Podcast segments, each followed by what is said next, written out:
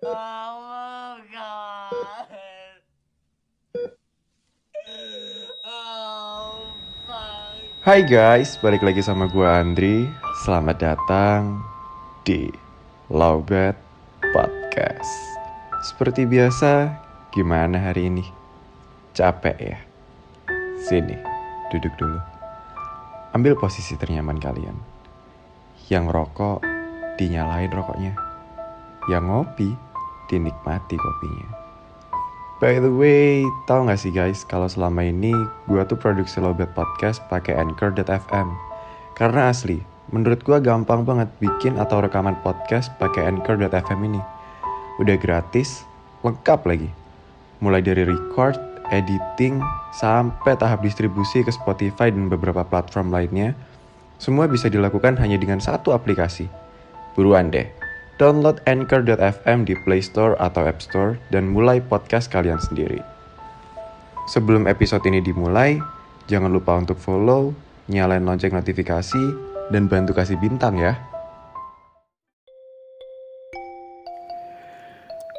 Loh, kamu kenapa?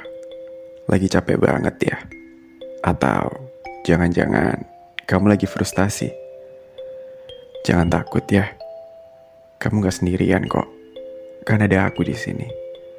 Atau bahkan ada kita. Iya, kita orang yang sayang dan peduli padamu. Aku tahu kok.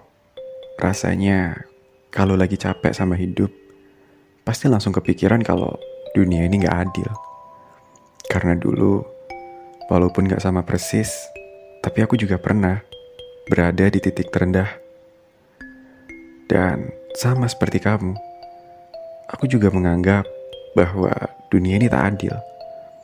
Bahkan kala itu, aku sampai tak percaya lagi kalau Tuhan itu ada.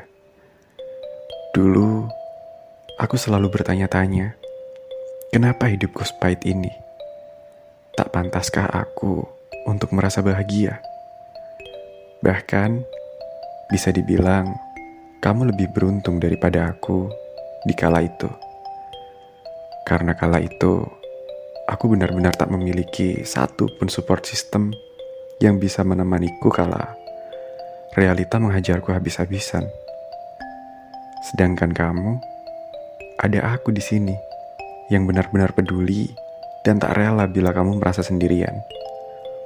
Kalau kamu berpikir aku tak nyata, kamu boleh kok DM aku di Instagram untuk mencurahkan seluruh rasa penatmu.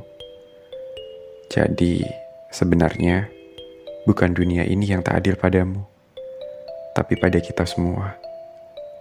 Satu hal yang harus kamu tahu.